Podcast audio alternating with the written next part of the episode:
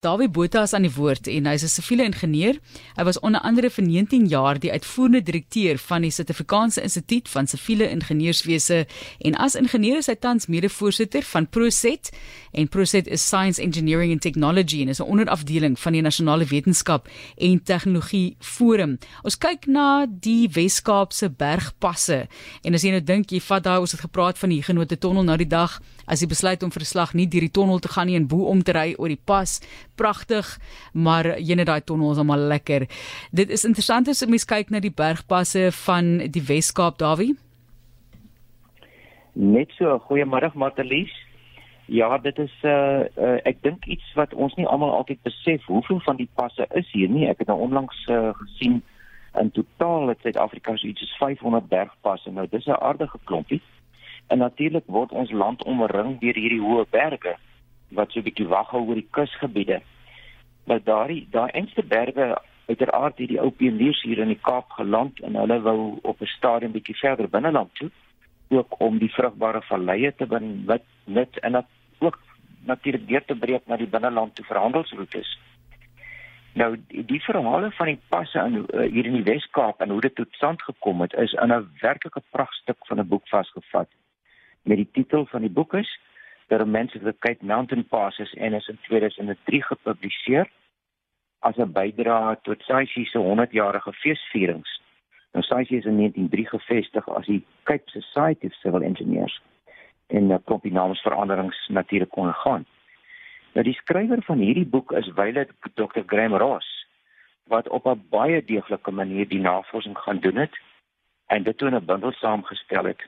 Nou oom Graham, soos hy algemeen bekend was, het homself 'n padmaker genoem, ongeag sy kwalifikasies, 'n baie nederige man as ingenieur en hy na sy 86ste verjaardag selfs 'n PhD doktorsgraad verwerf. Nou dit wil gedoen wees. Ek sê vanmôre vir my vrou, hy, hy was altyd so nederig, maar ek sien nog sy glimlag. Nou ek en hy het destyds uh, gesukkel om befondsing te kry vir die boek maar dit is toe uiteindelik geborg deur Sanra, dis die padagentskap, David Philip uitgewers daar in die Kaap as ek reg het en die Wes-Kaap regering.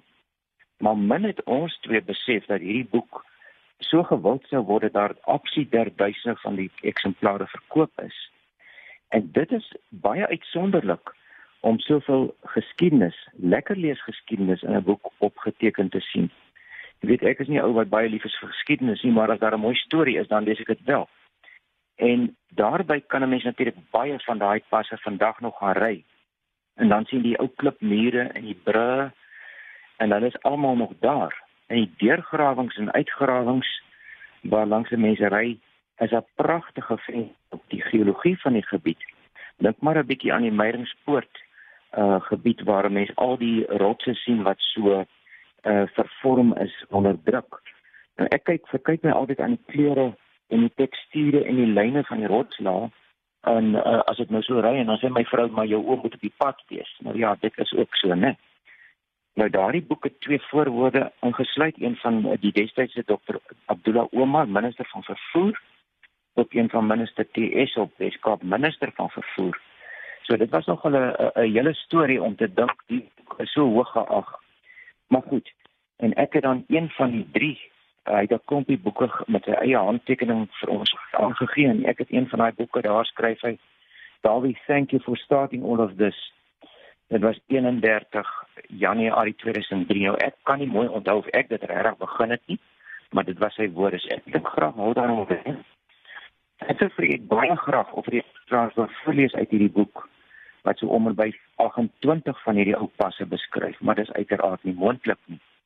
Ek stel voor ek verkry dan vir julle 'n eksemplaar is wel beskikbaar by SAICI se boekwinkel. Verlede week soos jy gesê het, uh, Martelie het Johan Du Plessis van vertel van die Dotoiskloof pas. Maar ek gaan nou so dan slotte net so iets vertel oor 'n baie ander baie bekende uh ander deurgang uit die Kaap na die Oeverberg, die na die Koring en die Kalola lande toe.